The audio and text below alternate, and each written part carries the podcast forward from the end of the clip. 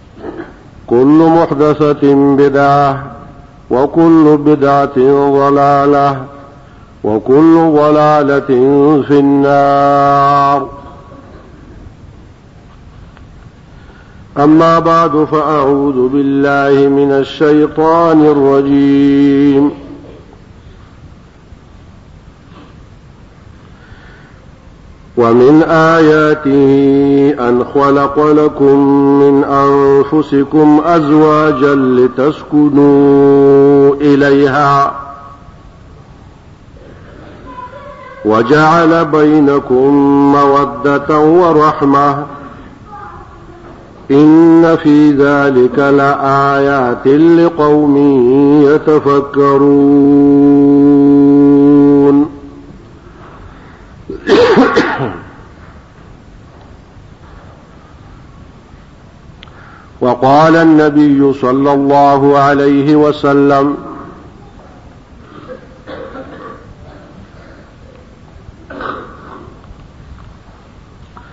يا معشر الشباب من استطاع منكم الباءة فليتزوج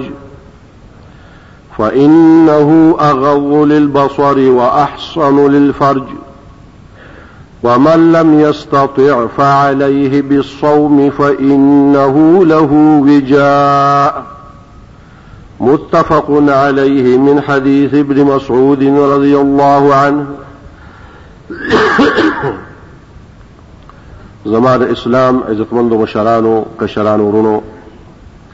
او عزتمندو میندو او خویندو او نونو مخکنو جمعو کې شپږو جمعو کې د پردې مهم مهم احکام ستاسو خدمت کې وړاندې کړی شو او تاسو ته د پردې اهمیت او جلالت شان ښکاره کړی شو او د پردې د نه کولو په وجه باندې کم زهر مفاسد کم تباهی چې په عالم کې خوره شوې ده هغه هم تاسو ته پته ولګېده او د دینا د دې خبرې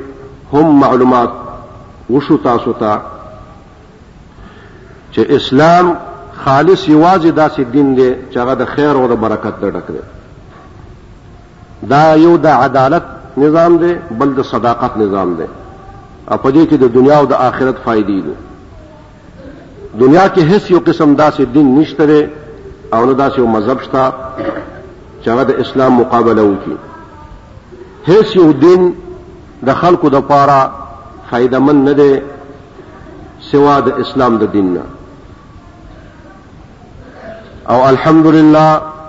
چاره خطبو لپاره الله پاک قبولیت عام ورکو او ډیر مؤمنانو سړو مؤمنانو خزو کې داغه نشر اشاعت وشو او مزید هم امید ده او تاسو په حرس سره هغه حاصل کړئ او خاصتا هغه اخرنۍ جمعه چې تیر شوې ده ځکه هغه د ټولو خلاصه ده که نور چا سره نه وي هغه اخرنۍ خطبه چا ته ملاو شي نو هغې کې هم کفایت دی د دې خطبو په مناسبت باندې بعضو مرګرو دې خبرې ته اشاره وکړه وصیت چې مزید په دې مناسبت باندې کوم چې خلک ورته عائلي قوانین وایي دا کافرانه نظام کې چې کوم زموږ په پاکستان کې مسلط دی چې په هغې کې ډېر کفریات دي او اسلام کې ورته د زواج او حقوق الزوجین احکام وایي نو په دې مسله کې زه تاسو ته یو څو خطبې وړاندې کوم چې دا مسائل هم مهم دي او زمونږ اکثر پښتنو وروڼو دا مسایل پایمال کړي دي نو نورو عامو نه خو څه ګیله نشته زمونږ ګیله د خپلو مرګرو نه ده چې هغه پوهه خلک دي چې هغه د توحید او سنت او د سلف صالحینو د مذهب د محدثینو د عقیدې او د عمل دعوه کوي او بعضې پکې چې صرف رفع الیدین شروع کړي نو ځان ته صحابي وایي نو هغوی سره زموږ اول خطاب دی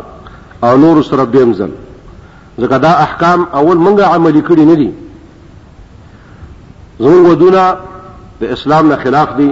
رسمونه رواجونه پکې دي، ورکړه او راکړه د خور او لور زموږ د دین په بنیاد نه دي او په ودونو کې، په ولیمو کې، په په دې کې موږ قسما قسم رسمونه په نکاحونو کې، په مهرونو کې دقه وجه ده چې په ورکړه راکړه په ودونو باندې هغه خوشحالي چې کوم رب العالمین ویلې ده هغه نه حاصلېږي. نو دا یو څو احکام زه تاسو ته وړاندې کوم په دې مسله کې یو څو غټې غټې خبرې دي چې آینده به په هغې باندې خبرې کوو انشاءالله د قرآن سنت په رڼا کې د زواج فضیلت، د نکاح فضیلت او ښځه چې سړی کوي صالحه ښځه به کوي که نور صفتونه پکې موجود وي خو ډېره ښه لکن اصل مد نظر به صلاح او دینداری وي دغه شانه خور لور والا چې خپل خور لور لا سړی ګوري نو نیک سړی به ګوري که نور صفتونه پکې وي، خو ډېره ښه ده. دغه شانه د خاوند کور، د جینۍ کور ټولو له پکار دي چې نکاح کې اسانتیا راولي. اسانتیا چې رسم و رواج پکې نه وي، سادګي پکې وي، تکلیف پکې نه وي، تکلفات پکې نه وي، رسمونه رواجونه پکې نه وي، مهر زیات نه وي. او درېیم څلورم ته التبکیر فی الزواج چې هلک زلمی شي فورا ښځه وله کول پکار دي جنۍ پیغله شي فورا میړه وله پکار دی ځکه دا یو فطرتي شی دی چې الله رب العالمین انسانانو کې میخې دی او عام حیواناتو کې میخې دی او دا کله فساد پیدا کوي لکه د ایټم بم غوندې الوزي نو دې وجنه دې شي باندې احتیاط پکار دی لکه خوږ لاس لاس چې مات شي خلک یې فورا تړي نو جنۍ غټه شي هلک غټ شي زلمی شي پیغله شي نو د هغې لپاره د واده بندوبست فورا پکار دی او دا د واده بندوبست دا په تعلیم وغیره کې رکاوټ نه غورځوي تعلیم دې جاري خو دا کارونه دې وي دا زمونږ ودونه وغیره چې ناوخته دي او شل کاله پس پنځیش کاله پس دا ټول د اسلام نه خلاف دي یا چې د تعلیم نه رکاوټ غورځي هغه کې رسمونه رواجونه تکلفات یو شی بنیاد چې فاسدین او هغه څه فاسدي دا شاله الک لره جائز دي چې مخطوبه ویني اجنې په خپل سترګو ویني او که په خپل سترګو باندې هغه ته ضرورت پیښ نشي د خپل مور د خپل خور د خپل ترور یا چا باندې چې اعتمادي د هغې په ذریعه دې ویني او جنۍ او خور خاوندان مشرانو له دا نه دي په کار چې هغه تکبر لوی وکړي پښتونوالي وکړي چې نه موږ یې درته نه ښکاره کوو نه دا د هغې فرض دي چې هغه خپل خور لور چاله ورکړي د نکاح نه مخکې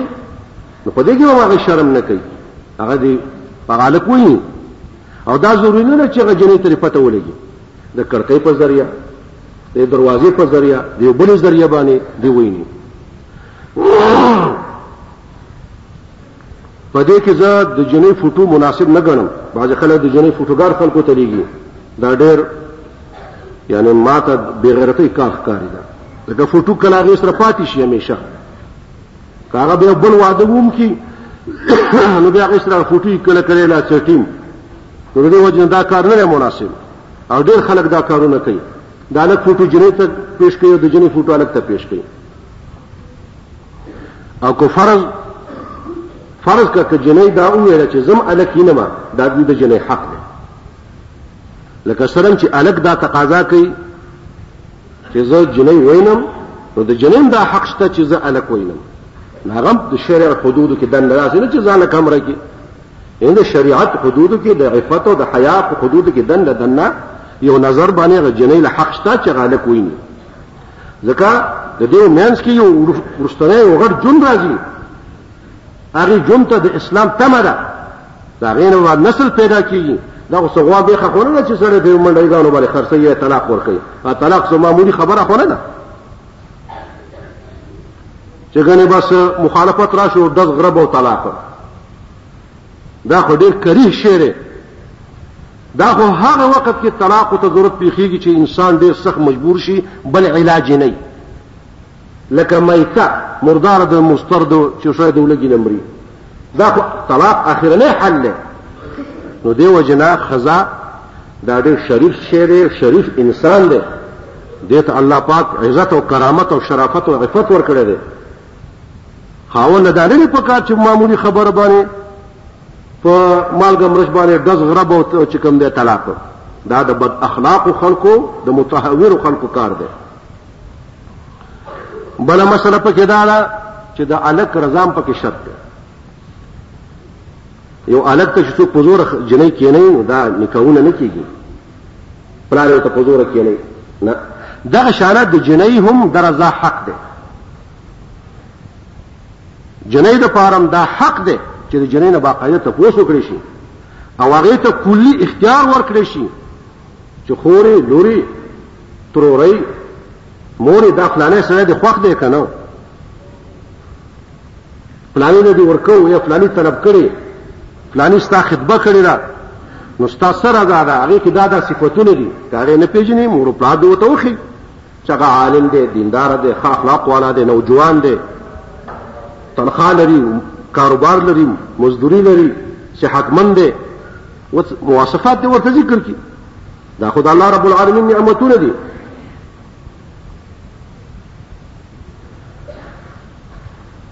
د دغه جنۍ رغبت دی وتراوري خیر دی هغه نه به تاسو کی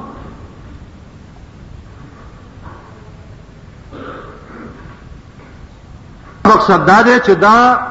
رب العالمین شرعي حق ورکړی دی جنۍ ته د جنۍ نه تاسو کول فرض دی د جنۍ چې اجازه نه نکاح نه کیږي الله اعلم زموږ د پښتنو اکثر نکاحونه په خطر دي دغه شانه د جبر نکاحونه نه کېږي زما ورونو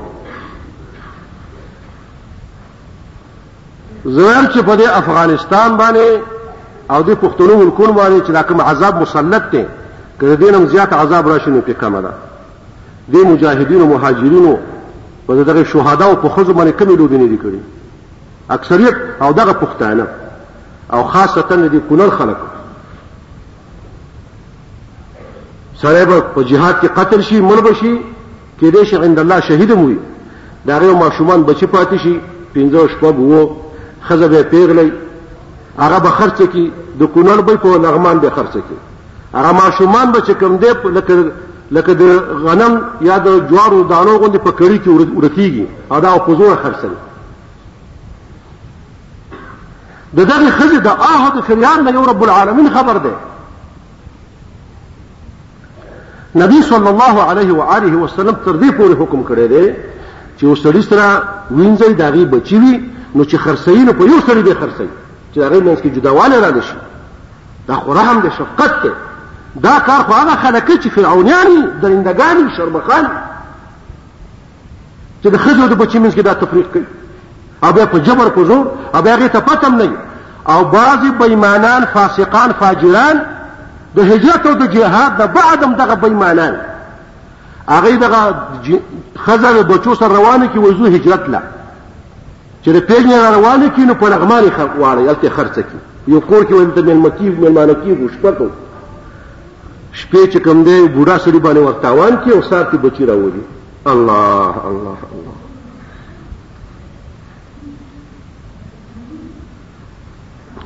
څومره دی دا ظلم او عدوان دا په دې مسلمانانو کې دی نو کوم عذاب چې الله رب العالمین په دوی مسلط کړی دی نو دا عذاب خو په ځای دی الله خو ظالم نه دی کړی او دا دا غیرت غیرتیان پښتانه دا کارونه کوي او ډېر بدبخته ظالمان فراعنه فرعونیان دا کارونه کوي چې دوی په جهاد کې مړ شي کونډه ښځه پاتې شي پیغله او د هغې کوچونی وړوکی وړوکی وروري د دغې سړي لیور د دې جینۍ د دوه کالو درې کالو پنځو کالو دې چې نه ته وای چې دې سړی الګ تبا کینې کړي کړي دا غاخو دا سر په دې سپین شل کا دا غاخونه چې دې سپینې دي لکه دا غاخونه چې دې سپین دي بل به دې نه ورکو کدا وړو کې کې زغه ته خو زمونږ کونډه الګ دا ستا په څه کونډه ده دا په میراث باندې دا خزي وړي او دا په جبر نکاح کوي دا ټول عمر زنا ده فحشا ده بی حیايي ده ورونه ده کافرانو نظام ده ادا په دې چا کړي په دې مجاهدینو مهاجرینو کې الله الله نو د دې وجه نه ورونو د جنۍ رضا شرط ده جنۍ که پیغلې واده نه کړي که کونډې که مطلقې طلاق شوي چې بل خاوند کوي رضا شرط ده چې رضا یې نه نکاح نه کیږي دا غې نه بعد ولی په نکاح کې شرط ورونو دا مسله به زه بیانوم چې د جنې خو رضا خو د پلار رضا نه یا پلار نه ورور بیا ورور ولی دی ورور نه ځاني که ورور نه بیا تر ولی دی الاقرب فالاقرب جنې ته چې څوک په نسب کې ډیر نږدې او مغه ولی دی چې پلار موجودي د ورور حق نشته چې ورور موجودي نو بیا د تر حق نشته زوی هم ولی دی زوی چې موجودي نو بیا د ورور حق نشته ځکه زوی ډیر قریب دی مړی ته خځه ته یو سړي مور کونډه شو او امور بغیر د دوی د رضا نکاح کوي نکاح نه کیږي ازینو به تپوس کوي نو اسلام کې دا حق دی چې د جنۍ نکاح بغیر ولی نه کیږي د خزي او بغیر ولی د رضا نه چې لار شي نو د پښتو په جبه کې خو تاسو ته پته راغی ته سلم وای او بیا ډېر بد اخلاق خلک جنۍ چې وایي وتښتئ بل کلي ته، نو د پیسو ټټو ملا راولي، بیا پرې لس روپۍ ورکړي او نکاح پرې تړي، بغیر وجې. نو بیا لکه نکاح څه تړې څه تړې چې اسلام نه منې، بیا خو کوه که نه، بیا خو ستا خوښه. که پردۍ ښځې سره بغیر وړي نکاح کې هم، که مور سره نکاح کې هم، که خور سره کې هم، ټول سره نکاح نه کېږي که نه. بغیر ولی نکاح کول خو دغه شی ده نکاح نه کیږي چې د کومې ښځې نکاح نه کیږي بیا غم کوه بیا نکاح ته څه ضرورت دی نکاح تړل خو معنا دا ده چې ځان یې روا کوي که نه نو چې ولی نه نو خو نه روا کیږي په نکاح باندې کله بیا بیا دا نکاح خو کله عدم دی بیا د نکاح تړلو څه مقصد دی د دې وجې نه ورونو ولی نکاح کې ضروری دی اوس که د ولی رضا نه وه د جنۍ رضا وه هم نکاح نه کېږي که د جنۍ رضا وه او د ولی رضا نه وه هم نکاح نه کېږي نو حل به څه حل به دای چې جنۍ او ولی به دواړه رضا کېږي نو هله به نکاح کېږي او که دواړه رضا نه شو او اسلامي حکومت نو فالسلطان ولي من لا ولي له دا یو بادشاه فیصله کوي حاکم د بادشاه د بادشاه نائب قاضي دغه علاقې تاړهدار ډي سپي سپي هغه خلک چې کوم ولي الامر دي شرعي هغه به فیصله کوي او په اسلامي حکومت نه لکه نن سبا نو د کلی مشران عالم هغه منځ کې به صلح وکړي او هغه ته فیصله راوړي او حل به وباسي المهم کوشش به وکړي شي چې جنۍ او ولی دواړه راضي شي رضا نه بعد به نکاح کوي ولی که د رضا نه بغیر نکاح وشي نو د نکاح چې کوم مقصد دی هغه نه پوره کیږي مثلا د جنۍ رضا یې د پلار پلار او د ورور یې رضا نه وي مثلا پلار یې رضا نه وي جنۍ وتښتي هلک سره د هغې خو نتیجه کې فساد او قتل قتال هنګامې دي کوم مقصد چې د نکاح دی چې محبت او دوستي او معاشره کې کېدل دي او انساني نسل پیدا کېدل دي په صحیح طریقه باندې د انصاب احترام دی او حقوق الزوجين صلی رحمی خپلولی پالل دا به نه پوره کیږي او که د جنې رضا نه د پلار رضا پلار پلار په جبرو کې ورور په جبرو کې زوی په جبرو کې تر په جبرو کې مثلا دا نکاح هم نه کیږي ځکه چې هغه هم فساد پیدا کیږي کې دې شي دغه خزه د واده کول په شپه ته وتختی لکه داسې شوی دی یا د واده نه بعد میش دو میش پس چرته وتختی یا د شپې خپل خاون ذبح کی علال کی یا ول زهر ورکی یا دا خدای په خپل زهر وسکی یا سین ته ځان وغورځي یا د بلینا کور ځان وغورځي دا ټول واقعات شوي دي زم په دې پښتنو کې دا ولې شوي دي ځکه بنیاد په فساد دی خشت اول چو نهد معمار کج تا سوریا می رول دیوار کج یو ګلکار چې کوک دیوال جوړ کی نو هغه چې سوریا ستوري ته ځینو بیا کږي اخر را ورځيږي چې کوک کوک کوک ځي نو یو شي چې بنیاد فاسد وي نو هغه فروع هم فاسد دي د دې وجنه فساد د اصول مستلزم دی فساد د فروع لره د دې وجنه شیخ الاسلام ابن تیمیه رحمت الله علیه فرمای چې فقه حنفی کې اهم کتاب چې دی جامع کبیر دی د امام محمد رحمت الله علیه او هغه کې دومره فاسد اصول دي چې هغه باندې ډېر فروع بنا دي امام ابن قدامه نه شیخ الاسلام نقل کوي فرمایي چې د دې کتاب مثال داسې دی لکه په مغصوبه ځمکه باندې بنیاد او بلډنګ کړه کول جوړول چا نه چا ځمکه قبضه کړي په هغې باندې بلډنګ جوړ کړي فاذا جاء صاحبها قلعها چې د ځمکې مالک راشي نو ټکټر ورته ونیسي درهم برهمې کړي نو په دغه کتاب کې چونکې باطل اصول دي په هغې باندې چې کوم فروع بنا دي هغه غلط دي او د هغې نه خطرناک فروع او اصول باطل په دې هدایه کې دي او په دې کنز و دقایق او کنز وغیره دې کتابونو کې دي کنز و طالبانو د زړه رنګ دا موږ پخوا دا موضوع ته ول په دې باندې پوه شئ نو د دې وجې دا کوم فساد چې په معاشره کې دی ورونو چې معاشره نه ټیک کیږي او جنگ او غوغا او فساد او فوزانا قتل قتال دا قتل قتال پیدا دی دا د دې وجې نه چې حقوق الزوجین د ښځې او د خاوند حقوق نه پوره کیږي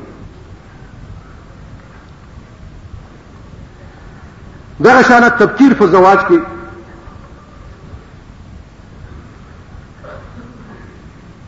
هلک زلمی شي هغې لپاره واده په خپله پکار دی خو یاد لره ګوره په پلار یې حق نشته هلک چې زلمی شي د هغې نفقه په پلار لازمه نه ده د په خپله ګټه وګټل کړي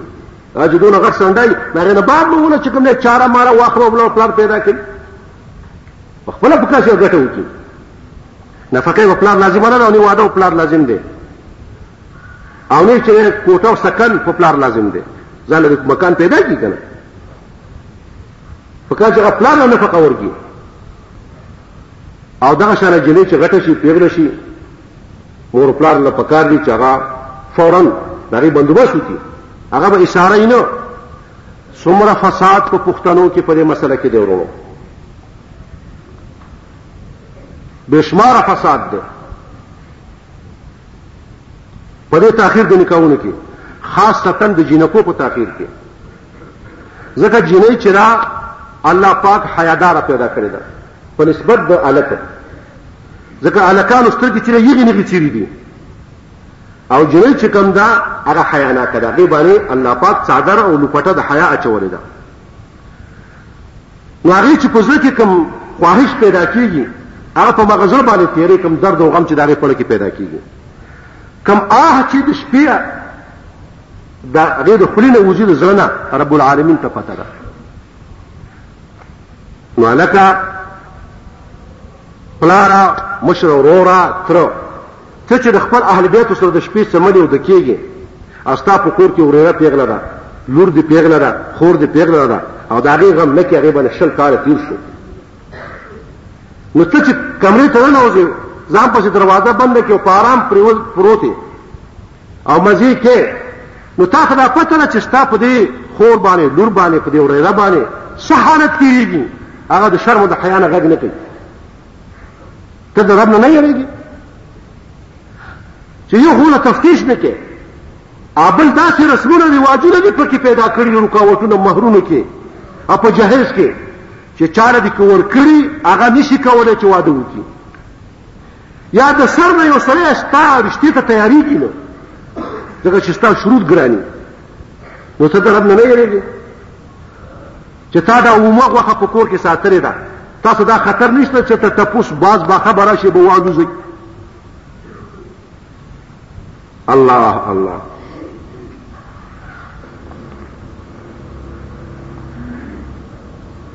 دغه شانه حقوق الزوجين دا مسله هم په تاسو کې دلته کې راځي ان شاء الله چې د خځې په خاون څه حقوق دي د خاون په خځې څه حقوق دي په دې دنیا کې د ټول نه زیات نږدې ښځې ته خپل خاوند دی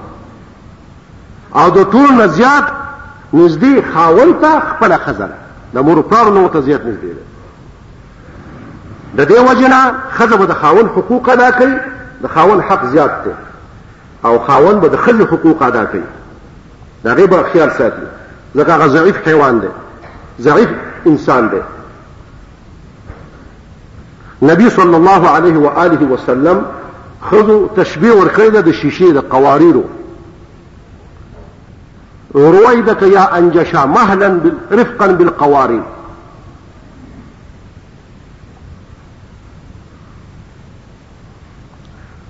دا نبی صلی الله علیه و آله وسلم په داسې مناسبت کې ویلو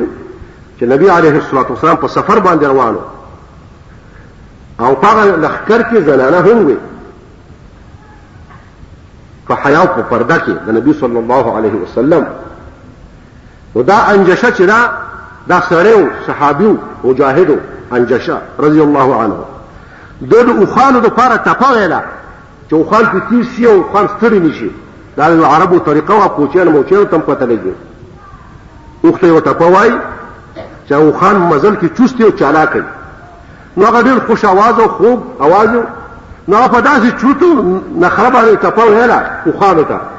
چې نبی صلی الله علیه و آله وسلم سره خطر پیدا شو چې دا ټپه چې دی دا دغه واوري زنانه مائل نشي نو یې فرمایل اے انجشا مهلا مهلا بالقواري شپان که شیشې ماتې نه کې نو خزه ضعیف دی نفسیاتي لحاظ سره انفعالي لحاظ سره تأثر لحاظ سره نو د خزه سره خسلوک پکار دی او نبی صلی الله علیه و آله وسلم د خزي تشبيه ورکړي دا د کګي د پختې سره پختې اسم کدی او بیا په پختې کې غره پاسه نه ځي لکه د لیندې په شان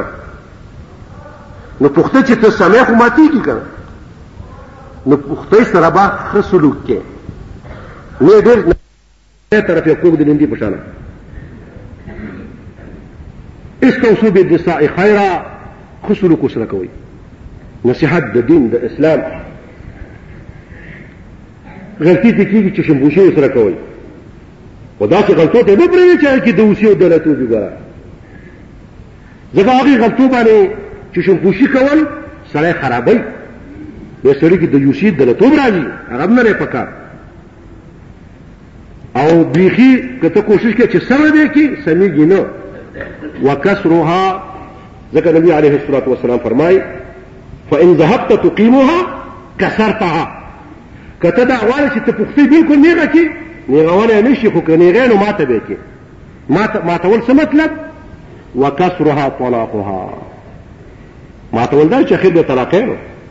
نو دې وجه طلاق ته نوبت مرسوا هغه د ستا حقوق مني ته د هغې حقوق منه منځ کې پیشوګان مه تړئ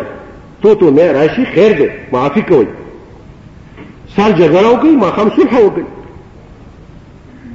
د هغې احکام به هم راځي انشاءالله هغه به هم زه تاسو ته بیانوم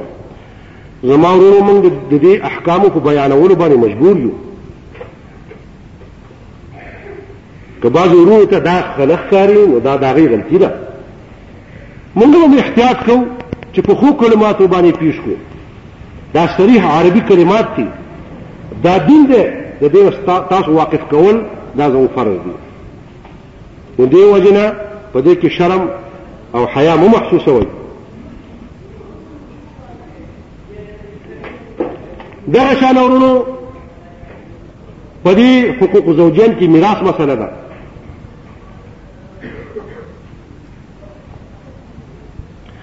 دا د میراث مسله ډیره مهمه ده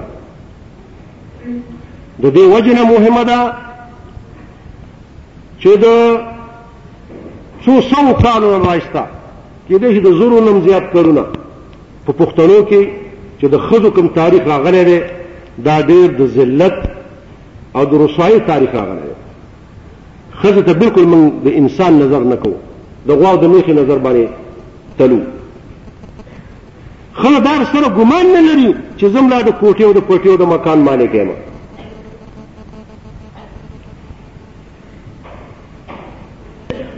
او چې پښتنو ته د میراث مسله کې نو وایي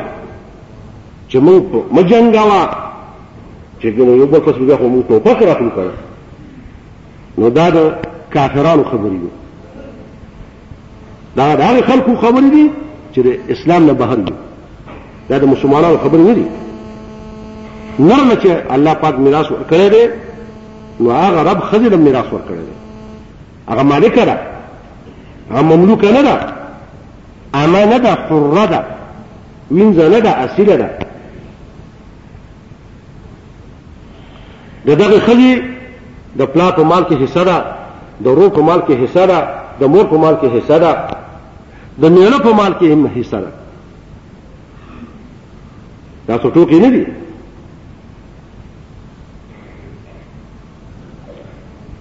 دا خزه باندې ولې حج پر دي ځکه پیسې وسره یې کنه خزه ولې صدقه کوي پیسې وسره مالک یې کنه ښځه باندې ولې زکات لازميږي ځکه مالک یې څه وسره کنه پټه وسره باغ وسره باغچه وسره هوټل وسره کای وسره نور نقد پیسې وسره مالک مملوکه خو نه ده که مملوکه ده نو رب العالمین مملوکه ده میراث ډیر مهم دی زما ورور نو کېدای شي ان شاء الله یو خطبه به په دې باندې تاسو ته پیش کوو ځکه دا په حقوق زوجین کې داخل دي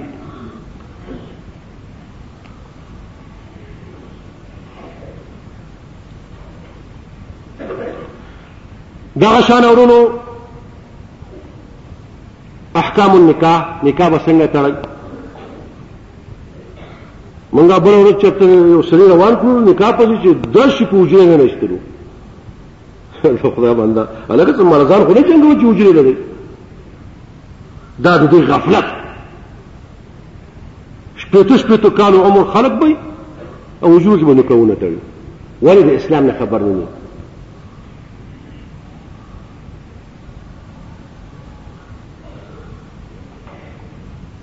یو مسلمان چې عالم نه یې هغه نکاح تړو چل نه ورځي هلکه دا نکاح تړو دا نه عالم کار دی دا خو تم کولی شي ما درکړی او تا قبول کړی والسلام علیکم خلاص دا نکاح ده کنه خو یو خطبه کښته کې وسره نه خطبه پکې وي یو څو آیات دې زده کړه څو خلکو دې نه ماتي هر سړي ځان نه ګونګیا جوړ کړی خو دا رښتیا ګونګیان دي ټپو باندې خولې چلېږي په نخرو په غیبتونو په نمیمو په چغلخورۍ په کنځلو په شیطانت لیکن یو دوه درې آیته به نشي زده کولی چې خطبه ده او حدیث کې راځي چې نبی صلی الله علیه و آله وسلم فرمایي چې نبی علیه الصلاۃ والسلام موږ ته د د حاجت خطبه د زده کوله لکه څنګه چې موږ ته تشهود په مانځ کې زده کوو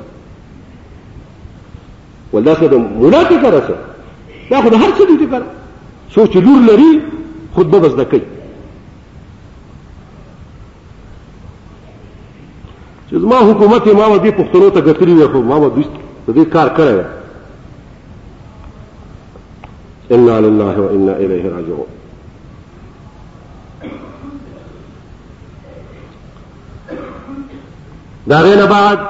د مہر مسائل مہر کې ډېری مسلې دي خه مسله پکې دارا یعنی اصلا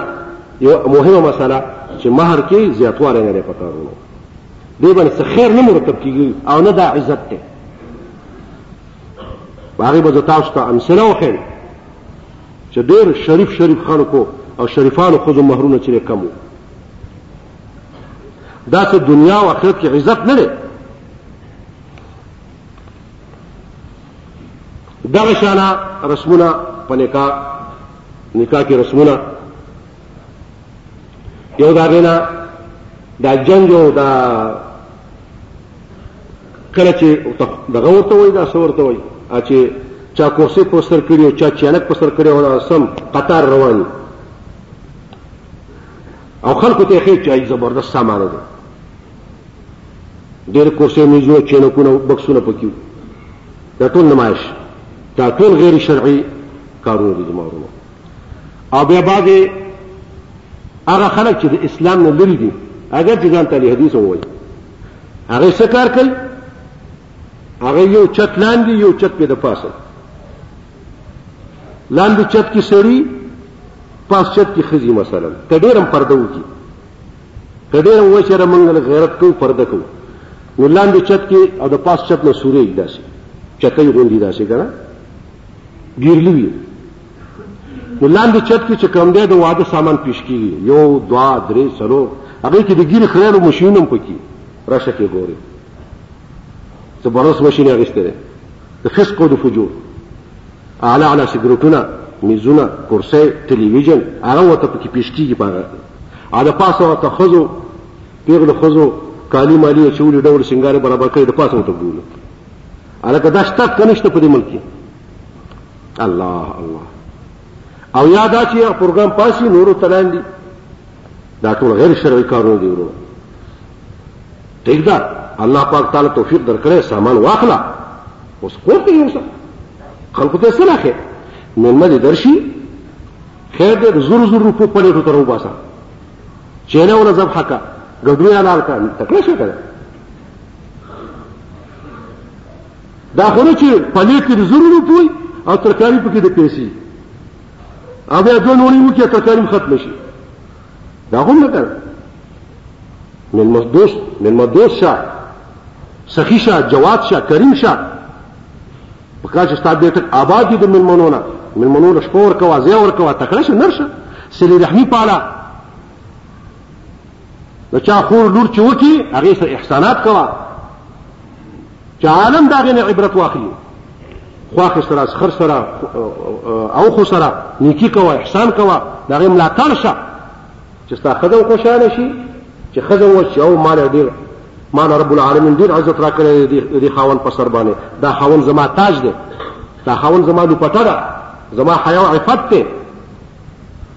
چې ستا خدم چې د اوچت نظر باندې ګوري سر اوچتي اسکه غړي ګرځي او او نیت هم پکې د رب العالمین رضا کوه نو الله تعالی به تعالی اجر هم درکوي هسې بېځایه رسمونو ته څه ضرورت دی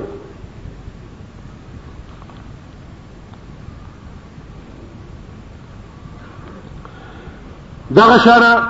د ولیمې احکام ولیمه ډېره ضروري ده په نکاح کې ورو د ولیمې به تاسو ته احکام راشي چې د ولیمې څه حیثیت دی نن سبا پښتنو کې چې کومې ولیمې دي دا ټولې خلاف شرع دي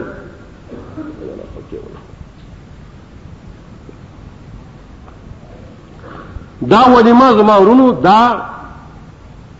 خیرات دی صدقه ده د شکریا د رب العالمین په دې واده کې چې دا د رب العالمین غټ احسان دی چې الله پاک تعالی خزه درکړه او په هغه جنې باندې غټ احسان دی چې رب العالمین او تخن خاون ورکړ د دې شکرې په نتیجه کې سبا وجمه ورکه مسلمانانو ته نو دې کې یو فائدہ دا ده چې رب العالمین به خوشاله شي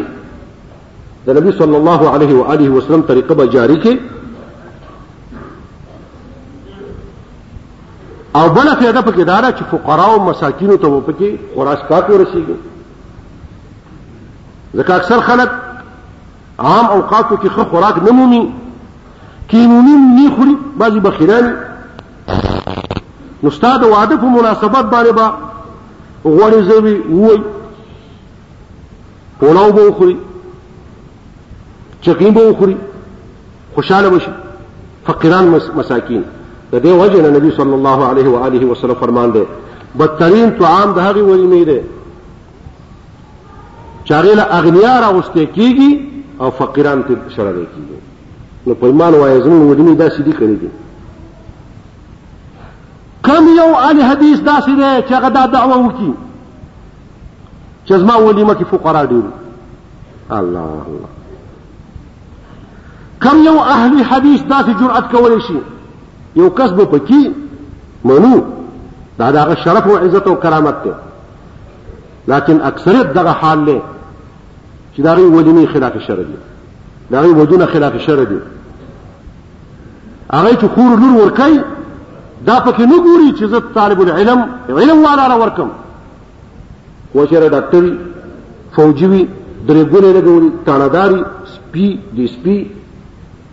ملک صاحب وي، خان صاحب وي، اګر چې بېلما دي، اګر چې ګیرې خرې دي. کله داسې شوې ده چې د یو عالم نه بنده کړې ده او یو فاسق فاجر ته ورکړې ده دا شوې ده په دې حدیثو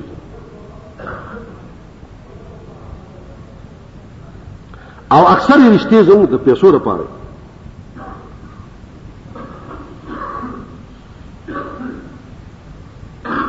کله څه وجه ده په هغه خلکو کې چې زموږ د ملک خپل پښتانه دي او علما دي هغوی کې صلاح او دینداري نه وه چې هغوی تر اوسه پورې د ښځو نه محروم دي او د بهر ملک نه یو سړی راشي د بلې ژبې خاوند خو چونکې هغه سره پیسې خلک هغه له خور لور ورکوي دا ولې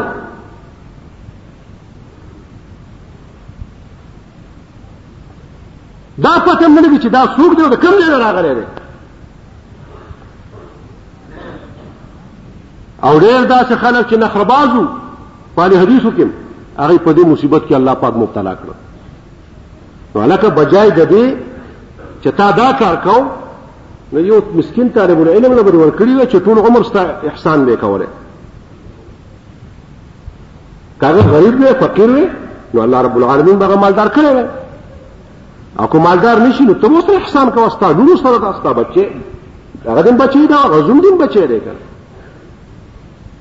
احسان دروازه خو بنده خو نه ده کنه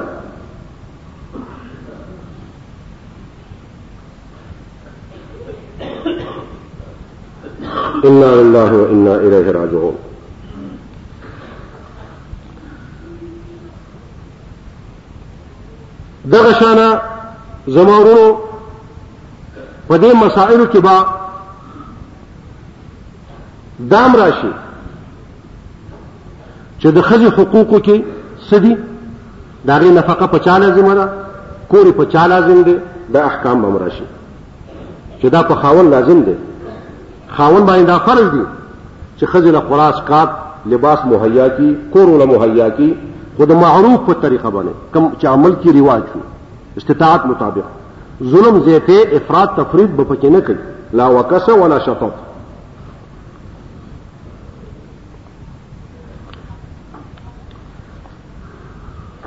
دا مسله هم پکې راشي ورو د حقوق الزوجین کې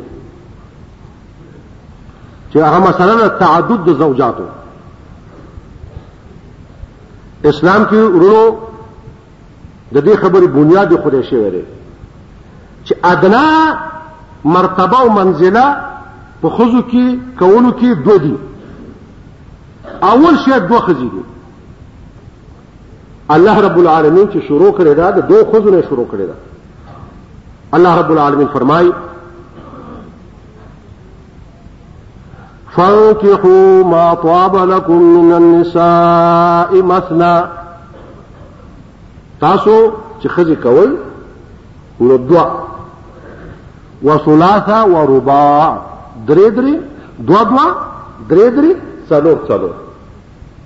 اوله مرتبه چې دا دوه دي دا د سړي حق دی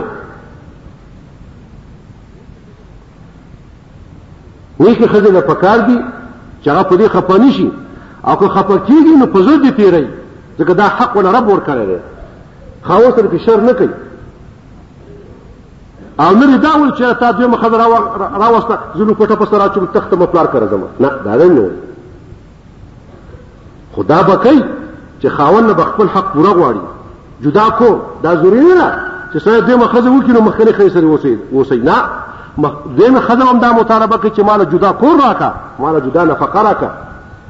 او که مخکنۍ ښځه ووایي چې ما ته به دویمه ښځه نه ښې زما پرې نظر ښه نه لګي دا د هغې حق دی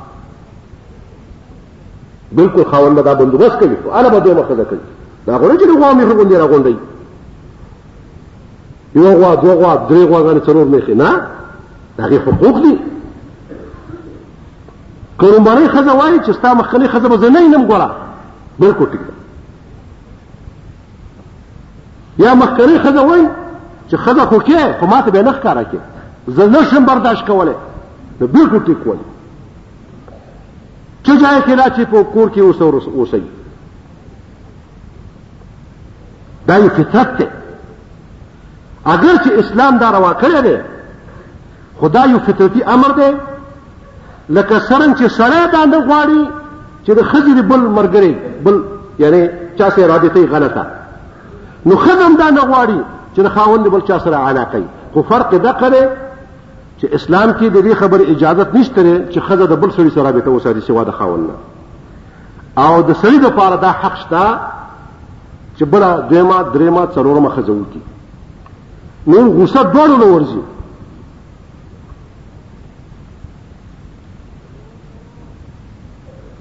د دې وجه نورونو زموږ په پښتنو کې په دې مسله کې دوه مرزونه دي افراط او تفرید دی تفرید خدا دی چې دوی مخده بالکل نه برداشت کوي چې دوی مخده وکړه نو مخکنی خده به تختی یا به اوسه د مخکنی خدي خپلوان د هغې پلار د هغې مور خواښې سخر اوسه په شر او په فتنه باندې په جګړه باندې نه دا حق نشته یو کس ما ته راغو و دې ما خزه مې کړی او خسرو کومه مخکنی سره خو خو اخر راته ډیره سخته ورانه ده او راته وای ای کنه نه لا ما ټاک دی راکو دا څنګه دی پکار دا خاون لړم نه دی او نه دا دې ته ټکو دا شرعي حق لري البته مخکنۍ ښځه به نه ناراضه کړي د هغې حقوق به پوره کوي نو انشاءالله دا احکام به هم راځي نو یو افراد خود تفرید خدا له پښتنو ورونو کې زمونږه چې دویمه ښځه د هغې اجازه نه ورکوي او دریم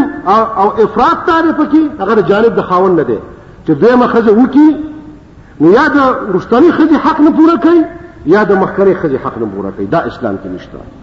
او دا زما څومره خیال دی چې پښتانه چې ښځې دویمه ښځه بده ګڼي د هغې وجه هم دا ده چې خاوند چې دی هغه ټیک نه وي هغه حقوق نه پوره کوي د ښځو دا اسلام کې نشته دی ورونو باقاعده به هغې له کور ورکې هغې له به ځای ورکې هغې له بېلې کپړې بېلې جامې ډېر سامان کورسۍ میزونه چې څنګه د مخکې مخکنۍ له کړي دي یا څنګه چې د وروستنۍ له کړي دي او دغه شانه د شپې حق یو یو څه شپه کې دوه شپې کې درې شپې مخکنۍ سره هم دغه شانه کې د ورځې په چا حق نشته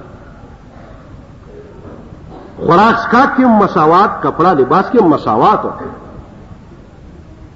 دا څنګه چې دوی زیات حق ساتي او د بلې حق نه ساتي یو وکی او بل پرې دی زی الله الله اکثر پښتنو کې دا مرض ده او دا ظلم او عدوان او جاهلیت او فرعون توپ ده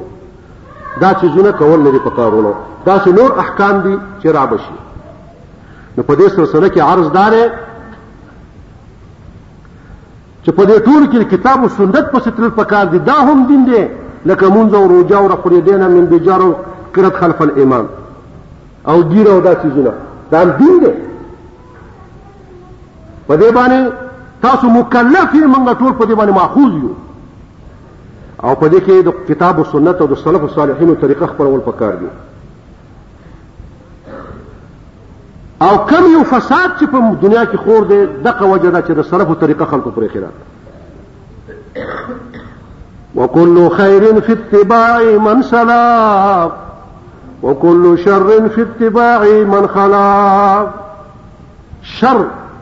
دی وجه نه چې خلکو رسمونه ریواجونه پیدا کړی دي او د او خیر د دنیا او د آخرت د سلف صالحینو په طریقه کې دی فاصحابه لي روضه وربيع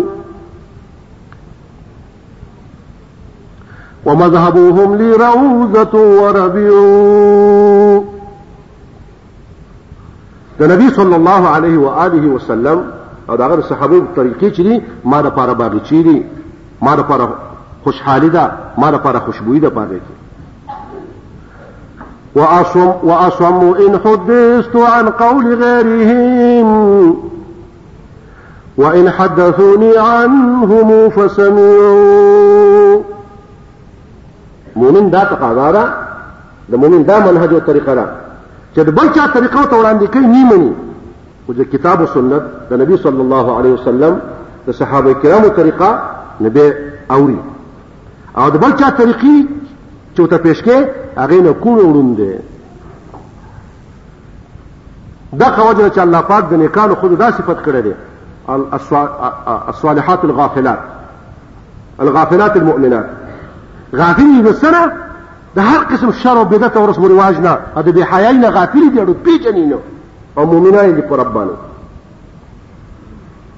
او چې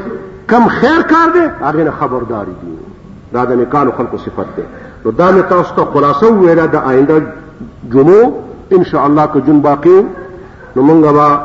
د الله رب العالمین په توفیق باندې او دغه په حمد و ثنا باندې دې مسائلو کې با خطبه کو ان شاء الله او په دې باندې با کتاب او سنت او د سلف الصالحین نصوص او اقوال او دغه عمل پیش کو اقول قولي هذا واستغفر الله لي ولكم ولسائر المؤمنين انه هو الغفور الرحيم هر قسم اسلامی کیسټو د ملاویدو پتا یاد ساتي ایوب اسلامی کیسټ مرکز د قصه خوانی بازار شاته پیښور خار